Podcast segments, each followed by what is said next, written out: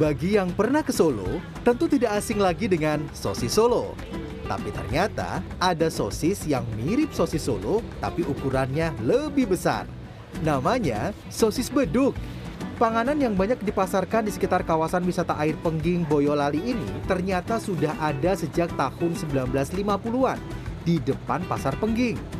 Kata beduk sendiri dari nama pedagangnya yaitu almarhum Sukinem Karyo atau yang dikenal dengan panggilan Bah Beduk. Kata beduk menurut generasi ketiga penerusnya Sulistyowati diberi langsung oleh Raja Keraton Solo Pakubuwono ke-10.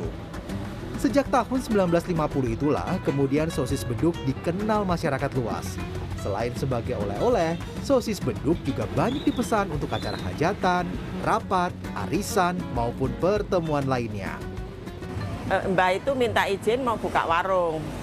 Terus dikasih izin, suruh kasih nama beduk gitu. Karena apa? Mungkin, mungkin ya besar, panjang seperti beduk gitu lah.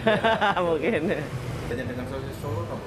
Eh, itu kan basah, Basah. ya Kalau sini goreng, yang digoreng aja. Eh, Daging sapi, daging sapi. nggak ada, yang lainnya nggak ada. Dalamnya manis, keluarnya agak asin gitu. Diakuinya, banyak pembeli yang lebih senang menikmati sosis beduk dalam kondisi masih hangat. Untuk, untuk itulah, Sulistyowati mengaku lebih memilih menggoreng sosis beduk sedikit demi sedikit. Rasanya enak, gurih. Eh, dagingnya enak lah pokoknya. Camilan atau Untuk acara acara-acara arisan, kayak perkumpulan, ya untuk cemilan gitu. Karena Rasanya? isinya juga, jadi kalau saya pulang ke Jakarta pasti bawa ini Pak, oleh-olehnya selalu, Nah, selalu bawa ini. Pada suka Pak di sana. Jadi gimana Ibu? eh, di Jakarta pada suka, jadi Ya. kalau saya udah sampai Jakarta saya goreng lagi. Untuk menikmati kelezatan sosis beduk, pembeli cukup merogoh kantong yakni 4.000 per buah sosis.